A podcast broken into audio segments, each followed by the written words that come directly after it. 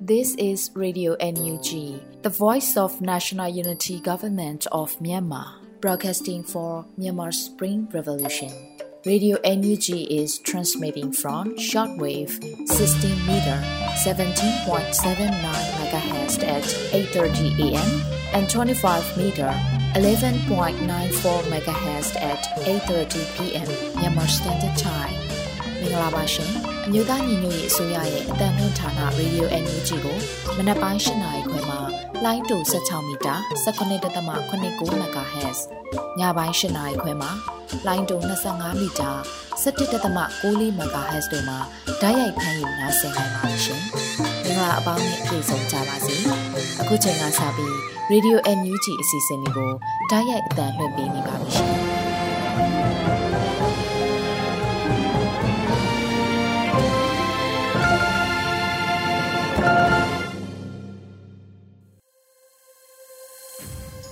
မြန်မာနိုင်ငံသူနိုင်ငံသားအပေါင်းတဘာဝပြီးစစ်အာဏာရှင်ဘေးတော်နေကင်းဝေးပြီးပိုစိတ်နှပါကြမလုံးချုံဘေးကင်းကြပါစေလို့ရေဒီယို UNG အဖွဲ့သားများကဆုတောင်းမေတ္တာပို့သလိုက်ရပါတယ်ရှင်။ခုချိန်ကစပြီးရေဒီယို UNG ရဲ့နှစ်ခင်းပြည်တွင်သတင်းများကိုစိုးတေးလူနေကဖတ်ကြားတင်ပြပေးပါမယ်ရှင်။မင်္ဂလာပါခင်ဗျာခုချိန်ရစပြီး2023ခုနှစ်ဒီဇင်ဘာလ9ရက်နေ့မနက်ခင်းပြည်တွင်သတင်းများကိုစတင်တင်ပြပေးပါတော့မယ်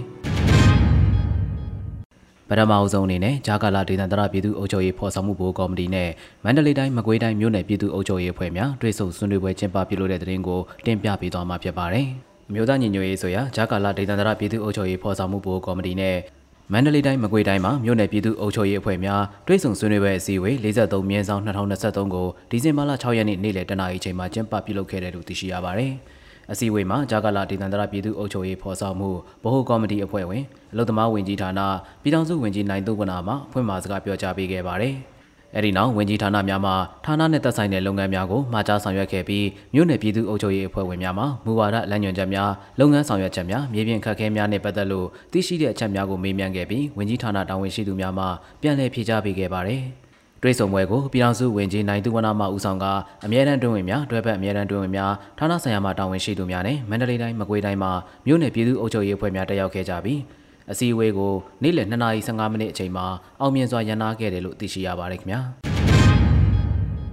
ဆက်လက်တင်ပြပြီးမှာကတော့မွန်ပြည်နယ်မှာ CDM နိုင်ငံဝန်ထမ်းများကောင်စီဖွဲ့စည်းလိုက်တဲ့သတင်းပဲဖြစ်ပါတယ်။စစ်အာဏာသိမ်းမှုပေါ်အကြမ်းမဖက်အာဏာဖီဆိုင်ရေးလှုပ်ရှားမှု CDM မှာပါဝင်ခဲ့ကြတဲ့မွန်ပြည်နယ်ကဝန်ထမ်းတွေစုပေါင်းပြီးမွန်ပြည်နယ်စီဒီအန်နိုင်ငံဝန်ထမ်းများကောင်စီ CCSC မွန်ကိုဖွဲ့စည်းလိုက်တယ်လို့ဒီဇင်ဘာလ၁ရက်နေ့ရက်စွဲနဲ့ထုတ်ပြန်လာခဲ့တာဖြစ်ပါတယ်။မွန်ပြည်နယ်အတွင်းကစီဒီအန်တွေကိုကိုစားပြုတဲ့အဖွဲ့တစ်ခုပေါ်ပေါက်လာစေဖို့ဆိုတဲ့ရွေးချက်နဲ့ဌာနအသီးသီးချိတ်ဆက်ဆောင်ရွက်ခဲ့ကနိုဝင်ဘာလ23ရက်နေ့မှာ CCSC မွန်ကိုစတင်ဖွဲ့စည်းခဲ့တာဖြစ်တယ်လို့ထုတ်ပြန်ချက်အရသိရှိရပါတယ်။စစ်ကောင်စီကိုပညာရေး CDN နိုင်ငံဝန်ထမ်းများအစုအဖွဲ့၊ကျန်းမာရေး CDN နိုင်ငံဝန်ထမ်းများအစုအဖွဲ့နဲ့အခြားဌာနများမှာ CDN နိုင်ငံဝန်ထမ်းများအစုအဖွဲ့ဆိုပြီးအစုအဖွဲ့၃ဖွဲ့နဲ့ဖွဲ့စည်းထားတာဖြစ်ပါတယ်။ စစ်ကောင်စီဟာမွန်ပြည်နယ်အတွင်းကစီဒီယန်နိုင်ငံဝန်ထမ်းတွေပုံမကျပြန့်စွာပူးပေါင်းပါဝင်လာနိုင်စေဖို့စီဒီယန်နိုင်ငံဝန်ထမ်းတွေနန်းစီဒီယန်တွေနဲ့အလင်းဝင်လာတဲ့နန်းစီယန်တွေဂျားကာလဝန်ထမ်းရန်တရားနဲ့အခြားလိုအပ်တဲ့မူဝါဒတွေပေါ်ထွက်လာစေဖို့နဲ့စွမ်းဆောင်ရည်ပြေဝတဲ့ဝန်ထမ်းရန်တရားတရက်ပေါ်ထွန်းလာစေဖို့ရည်ရွယ်တယ်လို့ထုတ်ပြန်ချက်မှာဖော်ပြထားပါတယ်။ နန်းနေနဲ့ပတ်သက်ပြီးဘလို့အရေးယူဆောင်ရွက်မှလဲဆိုတာကိုတည်တည်ချာချာလုပ်စေချင်ပါတယ်ကိုရီစီဒီယန်လုပ်တော့ကစစ်ကောင်စီအလို့ကြပြင်းပြင်းထန်ထန်ဖိနှိပ်ခဲ့တဲ့အချို့တွေရဲ့အောက်မှာတော့အလုတ်ပြန်ဝင်ရမှာမျိုးမဖြစ်စေချင်ဘူးလို့တထုံမြို့နယ်ကစီဒီယန်ကျမ်းမာရေးဝန်ထမ်းတို့ကပြောကြားခဲ့ပါတယ်အခြားပြည်နယ်တိုင်းများနေတို့မွန်ပြည်နယ်မှာလည်းစီဒီယန်ဝန်ထမ်းတွေဟာစစ်ကောင်စီရဲ့နီးလက်မျိုးစုံသုံးပြီးလုပ်ငန်းခွင်ပြောင်းဝင်ဖို့ဖိအားပေးတာဖမ်းဆီးစစ်ဆေးတာပြပထောက်ခွာခွင့်ကန့်သတ်တာနေအိမ်လိုင်းငန်းတွေကနေနှင်ချခံရတာမတရားဖမ်းဆီးတာတွေခံခဲ့ရပါတယ်။ စစ်ကောင်စီရဲ့ပြင်းထန်တဲ့ဖိနှိပ်မှုတွေနဲ့မိသားစုစာဝင်တွေအခက်အခဲတွေကြောင့် CDM တချို့လုပ်ငန်းခွင်ပြန်ဝင်ခဲ့ကြတာရှိပေမဲ့ CDM ပြုလုပ်ထားတဲ့နိုင်ငံဝန်ထမ်း3သိန်းကျော်ရှိနေသေးတယ်လို့အမျိုးသားညီညွတ်ရေးအစိုးရ NUG ကပြီးခဲ့တဲ့ဩဂတ်လမှာထုတ်ပြန်ထားတယ်လို့သိရှိရပါတယ်ခင်ဗျာဆက်လက်တင်ပြပေးမှာကတော့ကရင်ပြည်ကြားကာလလွှတ်တော်ကရဲဌာနဥပဒေပြဋ္ဌာန်းလိုက်တဲ့တင်ပဲဖြစ်ပါတယ်အနာဂတ်ဖက်ဒရယ်ဒီမိုကရေစီပြည်ထောင်စုအဖွဲ့ဝင် KNP အစိုးရလက်အောက်မှာရဲလုပ်ငန်းတွေအဆင်ပြေချောမွေ့စေဖို့ရည်ရွယ်ပြီး KNB ရဲဌာနဥပဒေကိုပြဋ္ဌာန်းလိုက်တယ်လို့ KNB ဂျာကာလာအုပ်ချုပ်ရေးကောင်စီကဒီဇင်ဘာလ6ရက်နေ့မှာထုတ်ပြန်လိုက်ပါတယ်။ KNB ရဲတပ်ဖွဲ့ KSP ကို CDN ရဲများနဲ့ရဲလုပ်ငန်းကိုစိတ်ဝင်စားတဲ့ပြည်သူတွေနဲ့ဖွဲ့စည်းထားတာဖြစ်ပြီးကရင်ပြည်တိုင်ပင်ခံကောင်စီ KSCC ရဲ့နိုင်ငံရေးဥဆောင်မှုအောက်မှာဖွဲ့စည်းထားတာဖြစ်တယ်လို့သိရပါတယ်။ KNY ပြည်ဂျာကာလာလွှတ်တော်အနေနဲ့ KNY ပြည်နယ်ဂျာကာလာအစီအမံနဲ့ညီ KNY ပြည်ရဲဌာနဥပဒေကိုပြဋ္ဌာန်းလိုက်တာဖြစ်တယ်လို့လည်းအသိပေးထားပါတယ်။ KNY ပြည်ရဲတပ်ဖွဲ့ KSP အနေနဲ့ ပြည်သူ့လုံခြုံရေးနဲ့တရားဥပဒေစိုးမိုးရေးအတွက်ပြည်သူ့ပူးပေါင်းပါဝင်မှုအားကောင်းပြီးစွမ်းဆောင်ရည်ပြေဝမြင့်မားတဲ့ KNY ပြည်ရဲဌာနအဖြစ်ရည်တည်လှုပ်ဆောင်ရန်နယ်မြေဒေသခံများနဲ့ပူးပေါင်းပြီးပြည်သူလူထုဗဟိုပြုဝန်ဆောင်မှုများကိုဆောင်ရွက်ရန်ရာဇဝတ်မှုများကြိုတင်ကာကွယ်ရေးအလေးပေးဆောင်ရွက်ရန်စတဲ့ရည်ရွယ်ချက်တွေနဲ့စတင်ဖွဲ့စည်းခဲ့ခြင်းဖြစ်ပြီးရဲသားယာဒုအဆင့်မှာရဲချုပ်ယာဒုအဆင့်ထိပါဝင်မှာဖြစ်တယ်လို့ဖော်ပြထားပါတယ်။ KNY ပြည်နယ်ဂျာကာလာလွှတ်တော်ကရေးဆွဲပြဋ္ဌာန်းထားတဲ့ ဥပဒေနည်းဥပဒေများအပြင်ကမ္ဘာကူလာသမဂ္ဂကထုတ်ပြန်ထားတဲ့အပြည်ပြည်ဆိုင်ရာလူခွင့်ရေးကြေညာစာတမ်းကိုလည်းလေးစားလိုက်နာဆောင်ရွက်သားမှာဖြစ်တယ်လို့အသိပေးထားပါတယ်။ကင်းနီပြည်ရဲဌာနဥပဒေမှာရဲဌာနဖွဲ့စည်းပုံနဲ့ယာရုသတ်မှတ်ချက်များတာဝန်လုပ်ပိုင်ခွင့်နဲ့ကျင့်ဝတ်များစီမင်းစည်းကမ်းသတ်မှတ်ချက်နဲ့ပြည်တံရဲဝတ်တစားလာစာရိတ်ခါနဲ့ခန်းစားခွင့်စတဲ့အပါအဝင်အခန်းကိုယ်ကန်းပါဝင်တယ်လို့သိရှိရပါတယ်ခင်ဗျာ။ အရာတော်မြို့နယ်မှာပြည်သူ့ကျန်းမာရေးဆောင်ရှောက်မှုရရှိစေရန်အတွက်စေကံများဖွင့်လှစ်လိုက်တဲ့တဲ့ရင်ကိုတင်ပြပေးသွားပါအောင်မယ်။စကိုင်းတိုင်းအရာတော်မြို့နယ်မှာဒေသခံပြည်သူများကျန်းမာရေးဆောင်ရှောက်မှုရရှိနိုင်စေရန်အတွက်စေကံတစ်ခုကိုဖွင့်လှစ်ထားတယ်လို့သိရှိရပါတယ်။အဆိုပါစေကံကိုဒီဇင်ဘာလ9ရက်နေ့က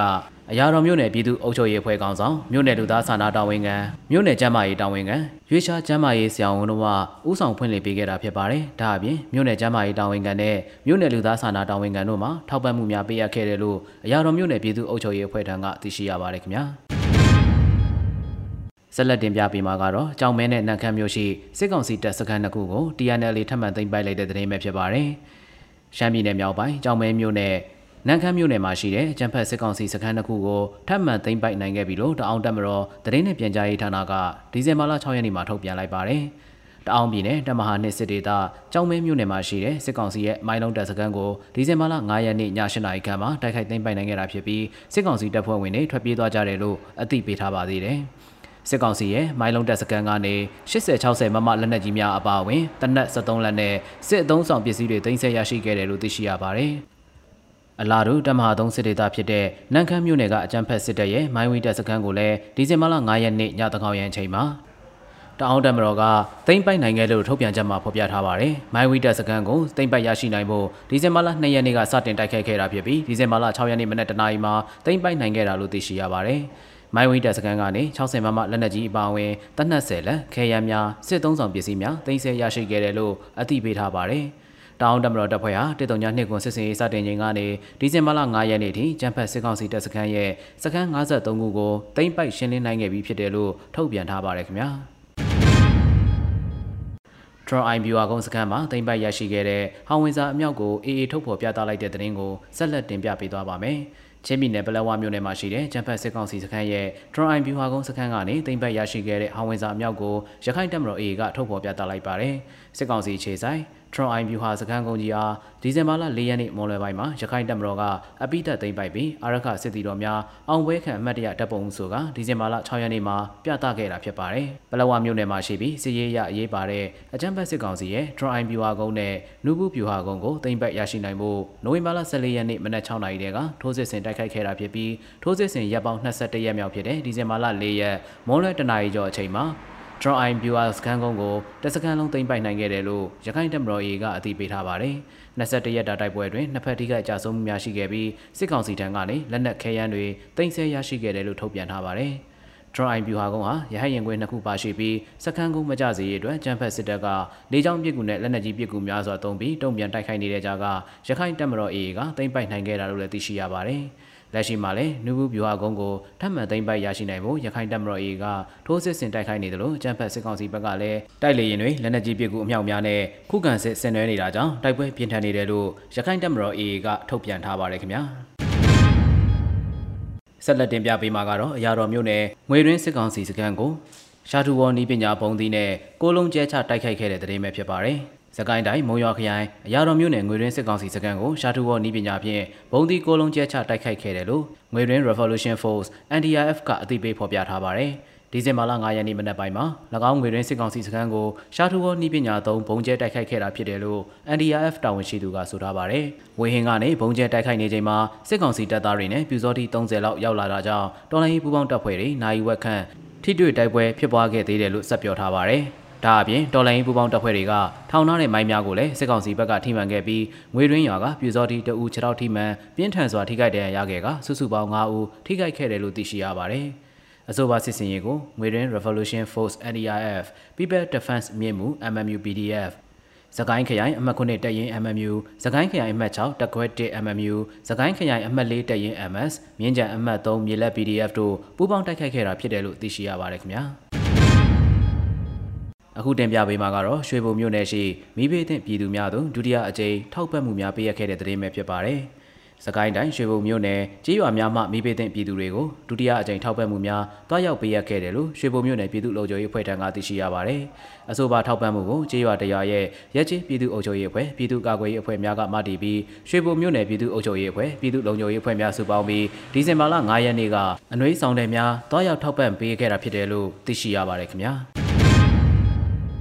ရေစကြုံမြို့နယ်မှာလေကြောင်းရန်နဲ့မိုင်းရန်နယ်ကာကွယ်ရေးအသိပညာပေးသင်ကြားပြသမှုများပြုလုပ်ဆောင်ရွက်တဲ့တဲ့တင်ကိုဆက်လက်တင်ပြပေးပါမယ်။မကွေးတိုင်းရေစကြုံမြို့နယ်ကြေးရွာတရွာမှာကျောင်းသားကျောင်းသူများနဲ့ကြေးရွာပြည်သူများအားလေကြောင်းရန်နဲ့မိုင်းရန်နယ်ကာကွယ်ရေးအသိပေးပညာဟောပြောခြင်းနဲ့လက်တွေ့သင်ကြားပြသမှုများပြုလုပ်ဆောင်ရွက်ခဲ့တယ်လို့သိရှိရပါတယ်။ အဆိုပါအသိပညာပေးအစီအစဉ်ကိုဒီဇင်ဘာလ9ရက်နေ့ကမြို့နယ်ပြည်သူ့အုပ်ချုပ်ရေးအဖွဲ့မြို့နယ်ပြည်သူ့ကာကွယ်ရေးအဖွဲ့မြို့နယ်ပြည်သူ့လုံခြုံရေးအဖွဲ့မြို့နယ်ပညာရေးတာဝန်ခံမြို့နယ်ကျန်းမာရေးတာဝန်ခံမြို့နယ်လူသားစာနာတာဝန်ခံတို့မှပူးပေါင်းဆောင်ရွက်ခဲ့တာဖြစ်ပါတယ်။အဆိုပါအစီအစဉ်မှာចောင်းသားចောင်းသူများနဲ့ကြေးရွာပြည်သူများအားလေကြောင်းအန်ဒီရဲ့ကာကွယ်ရေးဘုံခိုခြင်းအကြောင်းလက်နက်ကြီးလက်နက်ငယ်နဲ့မိုင်းအန်ဒီရဲ့အကြောင်းအသိပေးပညာပေးဟောပြောခြင်းနဲ့လက်တွေ့သင်ကြားပြသမှုများအစမ်းလေ့ကျင့်ဆောင်ရွက်မှုများပြုလုပ်ခဲ့တယ်လို့သိရှိရပါတယ်ခင်ဗျာ။ လူခွင့်ရေးစာတမ်းစုဖြစ်တဲ့ Premio Maria Rita Soli စုပေးပွဲမှာ Parliamentary Association of Friends of Burma ဥက္ကဋ္ဌ Albertina Soliani အားမြန်မာဒီမိုကရေစီရေးနဲ့လူခွင့်ရေးအထူးကြိုးပမ်းဆောင်ရွက်ခဲ့မှုအတွက်စုချင်းမြင့်ခံရတဲ့တဲ့ရင်ကိုဆက်လက်တင်ပြပေးသွားပါဦးမယ်။အီတလီနိုင်ငံရောမမြို့မှာဒီဇင်ဘာလ9ရက်နေ့က Institute of Political Study Sampio 5မှာပေးအပ်ချီးမြှင့်ခဲ့တဲ့လူခွင့်ရေးစာတမ်းစုဖြစ်တဲ့ Premio Maria Rita Soli စုပေးပွဲခမ်းနားကိုကျင်းပခဲ့ပါတယ်။ အဆိုပါစုဟာအီတလီနိုင်ငံထက်လွှတ်တော်နဲ့အောက်လွှတ်တော်မှအသိမှတ်ပြုထားပြီးနိုင်ငံရေးလူမှုရေးသတင်းပညာအစရှိတဲ့နယ်ပယ်အသီးသီးအပြင်လူခွေရေးဆိုင်ရာဂုဏ်ပြုစုများကိုပါပေးအပ်ခဲ့တာဖြစ်ပါတယ်။အဆိုပါစုပေးပွဲမှာ2021ခုနှစ်ဆေးအာနာသိန်းချင်းကြောင့်ဆိုးရွားလာတဲ့အခြေအနေများနဲ့ရင်ဆိုင်နေရတဲ့မြန်မာပြည်သူပြည်သားများအတွက်သူမရဲ့ဒီဇိုင်းမမတ်စူးစမ်းမှုများအတွက် Albertina Soliani အားဂုဏ်ပြုပေးအပ်ခဲ့တာဖြစ်တယ်လို့သိရှိရပါတယ်ခင်ဗျာ။အခုတင်ပြခဲ့တဲ့သတင်းတွေကိုတော့ Radio Energy သတင်းတောက်ကိုခန့်တဲ့မင်းစစ်သွေးတို့ကပေးပို့ထားတာဖြစ်ပါတယ်ကျွန်တော်စောတဲနေပါ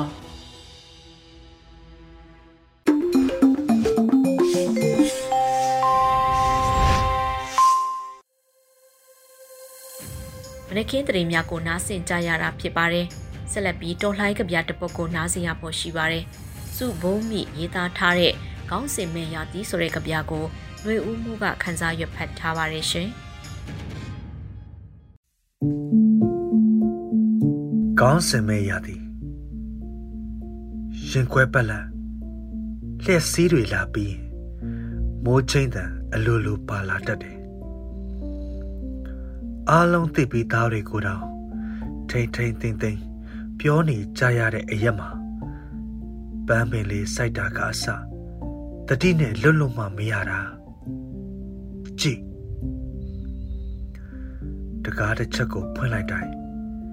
ညှို့မိုင်းနေတဲ့ကောင်းကင်ကြီးကငိုကြွေးလို့ရန်သူမျိုးက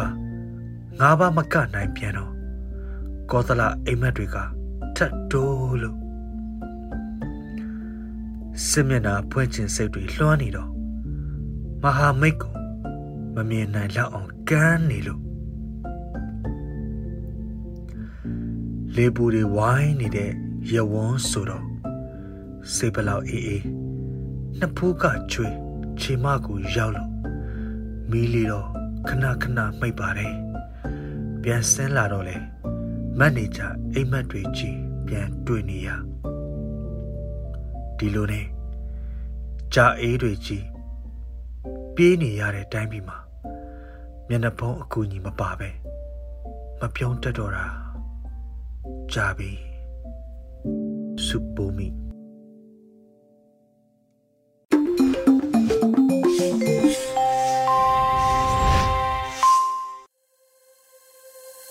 ရေဒီယိုအန်ယူဂျီမှဆက်လက်တန်လှည့်နေပါတယ်။ ယခုဆက်လက်ပြီးလောက်စာစီပြက်လက်မှုကြောင့်ကုန်စည်နှုန်းတွေကြီးမြင့်လာမယ့်အရေးဆိုတဲ့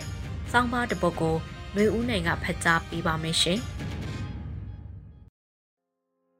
မြမနွေဦးခရိုနီကယ်ဒီဇင်ဘာ9ရက်မြင်ကွင်းလောင်စာစီပြက်လက်မှုကြောင့်ကုန်စည်နှုန်းတွေကြီးမြင့်လာမယ့်အရေးရန်ကုန်မန္တလေးနေပြည်တော်လိုမြို့ကြီးတွေမှာလောင်စာစီရောင်းချတဲ့ဆိုင်တွေမှာစီကုန်နေကြောင်းဆိုင်းဘုတ်တွေနဲ့အသိပေးထားတာ လောင်စာစီအမျိုးမျိုးကိုဈေးနှုန်းနဲ့ဖော်ပြတဲ့ဘုတ်တွေမှာရခင်က9မျိုးလောက်ရှိရာကဆိုင်တွေမှာတစ်မျိုးနှစ်မျိုးအပြင်မရှိတော့တဲ့အဖြစ်တွေကြုံနေကြရတယ်လို့လောင်စာစီဝယ်ဖို့မြို့ပြင်အဝေးပြေးလမ်းကဆိုင်ကြီးတွေအထိတွားရောက်ဝယ်ယူနေကြရတာတွေတမိုင်ထက်ပိုပြီးရှေလျားတဲ့ကားတန်းတွေနဲ့မြို့ပေါ်ကမိသားစုသုံးလုပ်ငန်းသုံးကားတွေလောင်စာစီဝယ်ယူရဖို့အရေးစိုးရိမ်မှုတွေနဲ့ လိုက်လံဝယ်ယူနေကြရတာဖြစ်ပါတယ်။စစ်ပွဲတွေကျေပြန့်လာနေတဲ့ပြီးခဲ့တဲ့လပိုင်းကလေးကမြန်မာနိုင်ငံကနေဒေသတွေပိတ်ဆို့ခံထားရတဲ့ဒေသတွေမှာလောင်စာစီကိုမျှော်လင့်မထားတဲ့ဈေးနှုန်းမျိုးတွေနဲ့ပြေးဝယ်နေကြရတာဖြစ်ပါတယ်။မြန်မာနိုင်ငံအနောက်ဘက်ဒေသရခိုင်ပြည်နယ်ချင်းပြည်နယ်ကလေးမြို့နဲ့စကိုင်းတိုင်းတွေကမြို့နယ်အများပြားကရင်ပြည်နယ်တို့လိုဒေသတွေကလက်နက်ကင်တိုက်ပွဲတွေကြောင့်ကားလမ်းတွေကို ကုန်ပစ္စည်းတည်ယူရမှာကန့်သက်တာပိတ်ဆို့တာတစ်ဖက်အိမ်နီးချင်းနိုင်ငံနဲ့ကုန်သွယ်ဆက်ဆံရေးနှဲပါတာလမ်းပန်းခက်ခဲတာတွေကြောင့်လောင်စာစီကိုဈေးကြီးကြီးနဲ့ဝယ်ယူသုံးစွဲနေကြရတာဖြစ်ပါတယ်။မြို့ကြီးတွေမှာတော့အလားတူပြဿနာမျိုးမကြုံခဲ့ကြရပဲအခုရက်ပိုင်းမှာလောင်စာစီတင်သွင်းတဲ့စီမှာနိုင်ငံခြားငွေပေးချေဖို့အခက်အခဲကြီးမားလာပြီးတော့ရုတ်တရက်လောင်စာစီပြက်လက်မှုတွေကြုံတွေ့လာရတာဖြစ်ပါတယ်။ လောင်စာစီတင်သွင်းပေးတဲ့ပုဂ္ဂလိကကုမ္ပဏီကြီးတွေကိုစစ်ကောင်စီရဲ့ဗဟိုဘဏ်ကနိုင်ငံခြားငွေပမာဏအကန့်အသတ်တစ်ခုနဲ့၎င်းတို့ရဲ့တက်မှတ်စီဒေါ်လာကျပ်2100နဲ့ရောင်းချပေးနေခဲ့ပေမဲ့မကြခင်ကတော့ရောင်းချပေးနိုင်ခြင်းမရှိတော့ပဲပြီးခဲ့တဲ့ရက်ပိုင်းအတွင်းလောင်စာစီဈေးနှုန်း1လီတာကို340ကျပ်ခုန်တက်သွားခဲ့တာဖြစ်ပါတယ်။ပြည်ပပို့ကုန်ကရရှိတဲ့နိုင်ငံခြားငွေတွေရဲ့90ရာခိုင်နှုန်းကို ဗဟိုဘဏ်ကို၎င်းတို့သတ်မှတ်ဈေး2100ကျပ်နဲ့မလင်းမနေရ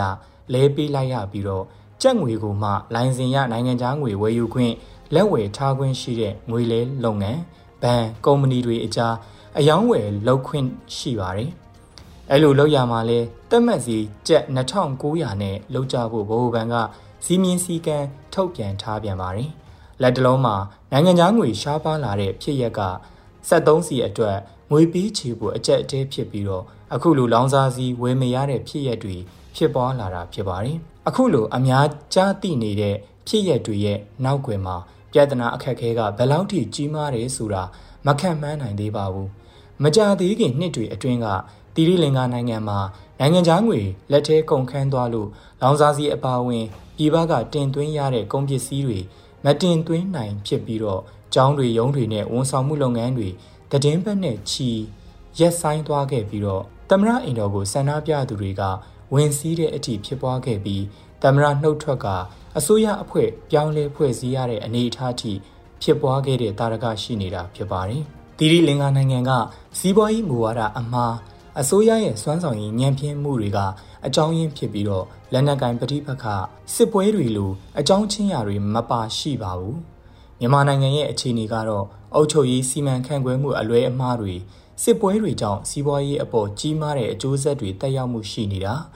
စစ်စရိတ်တွေအများအပြားသုံးနေရချိန်မှာတိုင်းပြည်ရဲ့ကုန်ထုတ်လုပ်မှုကတီးတီးတာတာကျဆင်းနေပြီးလူထုအနေနဲ့စစ်ပွဲရဲ့တက်ရောက်မှုတွေဖြစ်တဲ့ဆုံးရှုံးမှုတွေလက်လွတ်လိုက်ရတဲ့စီးပွားရေးအခွင့်အလမ်းတွေစတဲ့အချက်တွေကတီရီလင်္ကာချက်ပုံမူဆိုးရွားတဲ့အကြောင်းအချက်တွေဖြစ်ပါတယ်။မြန်မာနိုင်ငံအနေနဲ့အငတ်ဘေးနဲ့ရင်ဆိုင်ရလောက်အောင် ရိတ်ခါထုတ်လုပ်မှုနှဲပါတာလူဦးရေအချိုးအစားကြီးမားတာအလောက်ကန်ခွင့်လန်းရှားပါတာလူစွမ်းအားအရင်မြင့်ရဲ့ပညာရေးကျွမ်းကျင်မှုနှိမ့်ကြတာတော့မဟုတ်ပေမဲ့စစ်အာဏာသိမ်းမှုရဲ့နောက်ဆက်တွဲအကျိုးဆက်ဖြစ်တဲ့လက်နက်ကင်ပဋိပက္ခနဲ့နိုင်ငံရဲ့အရင်းမြစ်တွေအားလုံးပျက်စီးဆုံးရှုံးကအခုလိုမကြုံစဘူးအခက်အခဲအကျက်အတဲတွေနဲ့ရင်ဆိုင်နေရတာဖြစ်ပါတယ်။စေကောင်စီထိန်းချုပ်ထားတဲ့မြို့ကြီးတွေမှာအခုလိုလောင်စာစီအကျက်တဲကြုံတွေ့ရခြင်းဟာ ကာလာတူတစ်ခုအတွင်းမှာဖြည့်ရှင်းနိုင်မလားသို့မဟုတ်ဒီထက်ပိုဆိုးရွားလာပြီးလက်ခစားလောက်ခစားအထည်ချုပ်လုပ်ငန်းလိုကုန်ထုတ်လုပ်မှုတွေကိုထိခိုက်တာစိုက်ပျိုးရေးလုပ်ကိုင်သူတွေရဲ့ထုတ်ကုန်တွေတနေရာကတနေရာတည်ယူဖို့ကုန်ကျစရိတ်တွေမြင့်တက်လာတာခက်ခဲလာတာကြောင့်စိုက်ပျိုးရေးနဲ့အသက်မွေးတဲ့တောင်သူလယ်သမားတွေထုတ်ကုန်ကိုရောင်းချဖို့ခက်ခဲတာစားသုံးသူတွေအနေနဲ့လဲတည်ယူပို့ဆောင်ရေးအခက်ခဲကြောင့်ကုန်ပစ္စည်းဈေးကြီးကြီးပေးဝယ်ကြရတာမျိုး အဆရှိတဲ့တစ်ခုပြီးတစ်ခုချိတ်ဆက်နေတဲ့ပြဿနာတွေစက်ကစက်ကဆိုးရွားလာမယ့်အနေအထားမျိုးလားဆိုတာမသိနိုင်သေးတဲ့အခြေအနေဖြစ်ပါတယ်။အခုလက်တလောဖြစ်ပေါ်လာတဲ့လောင်စာစီပြဿနာကစစ်ကောင်စီရဲ့စီမံခန့်ခွဲမှုအလွဲအမှားတွေကိုနောက်ထပ်တာရကပြလိုက်တယ်လို့ဖြစ်ပြီးပြဿနာတစ်ခုကိုဖြေရှင်းဖို့စ조사ရမှာအခြားသောပြဿနာအသစ်တွေကိုဖန်တီးတာမျိုးလည်းဖြစ်ကောင်းဖြစ်လာမယ့်အနေအထားတွေလည်းတွေ့မြင်နေရတာဖြစ်ပါတယ်ခင်ဗျာ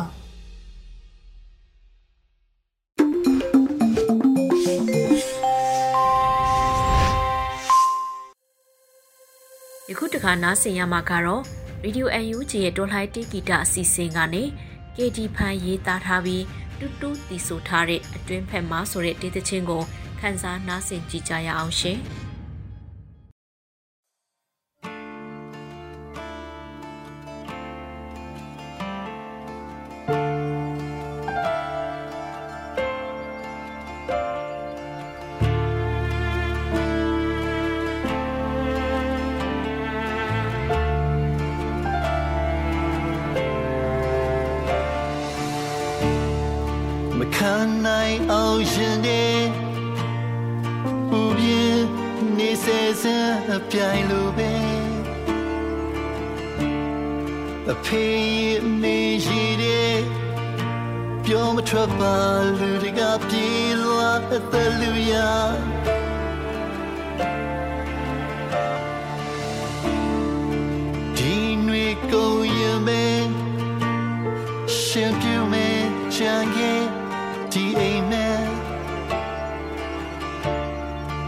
ရာရာကုန်ချန်ခဲ့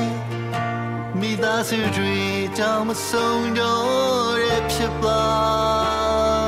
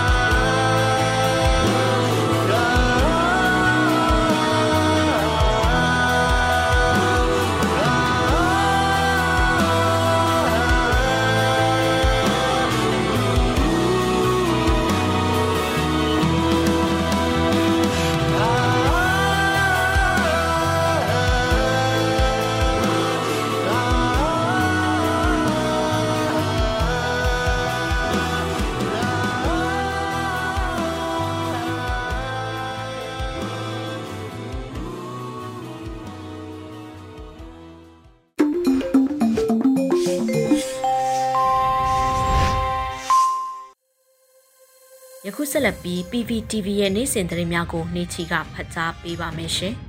။ခုချိန်ကစာပြီး PPTV သတင်းတွေကိုတင်ဆက်ပေးတော့မှာပါ။ကျွန်မနေကြပါရှင်။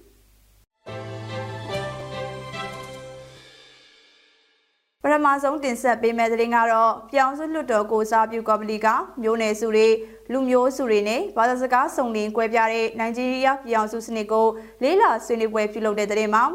ပြည်အောင်စုလွှတ်တော်ကိုစားပြုကော်မတီ CRPA ရဲ့ဖက်ဒရယ်ရေးရာကော်မတီကဖက်ဒရယ်စနစ်ကျင့်သုံးနေတဲ့ပြည်အောင်စုနိုင်ငံတွေနဲ့ပတ်သက်တဲ့လေးလာဆွေးနွေးပွဲစည်းဝေးကိုနိုဝင်ဘာလ25ရက်နေ့ကနေဒီဇင်ဘာလ3ရက်နေ့ထိညနေ9:00နာရီကနေ9:00နာရီထိဆွေးနွေးမှုတွေပြုလုပ်ခဲ့တယ်လို့သတင်းထုတ်ပြန်ထားပါတယ်။ဒီလိုလေးလာဆွေးနွေးရမှာပြည်တွင်းကျန်းကျင်ရှင်ပညာရှင်ဦးကျော်စွာကဦးဆောင်ပြီးမျိုးနယ်စုတွေလူမျိုးစုတွေနဲ့ ဘာသာစကားစုံလင်ကွဲပြားတဲ့နိုင်ဂျီးရီးယားပြည်အောင်စုစနစ်အကြောင်းလေးလာဆွေးနွေးခဲ့တယ်လို့ဆိုပါတယ်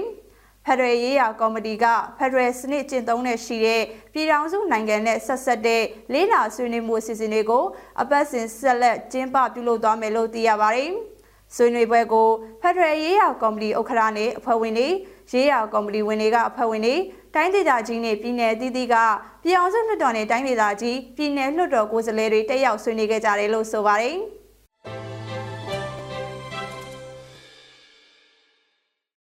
ဆက်လက်တင်ဆက်ပေးမှာကတော့စေအုပ်ချုပ်ရေးရနေရလွှမ်းမိုးဆဲဖြစ်တဲ့နေရာမှာဖြက်လေးပြက်ပြူဟာနဲ့အကြမ်းဖက်စေအုပ်စုကပိုပြုတ်လောက်လာတယ်လို့မြောက်ပိုင်းသုံးဘွဲကပြောကြားလိုက်တဲ့သတင်းမှာစေအုပ်ချုပ်ရေးရနေရလွှမ်းမိုးနေဆဲဖြစ်တဲ့နေရာမှာဖြက်လေးပြက်ပြူဟာနဲ့အကြမ်းဖက်စေအုပ်စုကပုံမပြုတ်လောက်လာတယ်လို့မြောက်ပိုင်းညီနောင်မဟာမိတ်သုံးဘွဲကပြောပါတယ်ညီနောင်မဟာမိတ်သုံးဘွဲရဲ့တစ်တုံညာနှစ်ခွန်စစ်စီရေးဆွန်လဲလာတဲ့ရက်က ရက်ပေါင်း40ပြည့်တဲ့ဒီဇင်ဘာလ9ရက်နေ့မှာထုတ်ပြန်ချက်မှာဖော်ပြခဲ့တာပါရန်သူအုပ်ချုပ်ရေးရန်ရာလွှမ်းမိုးနေစေနေရာဒေသတွေက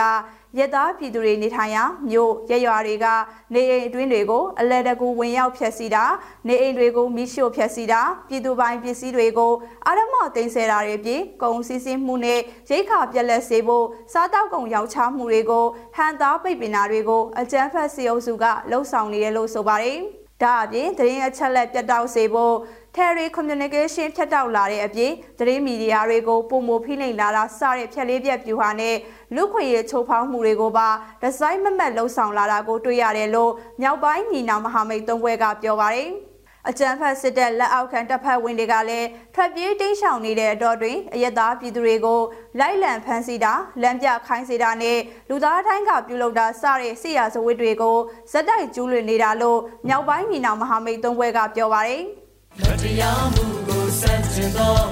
တွေဥပံများပွင့်လန်း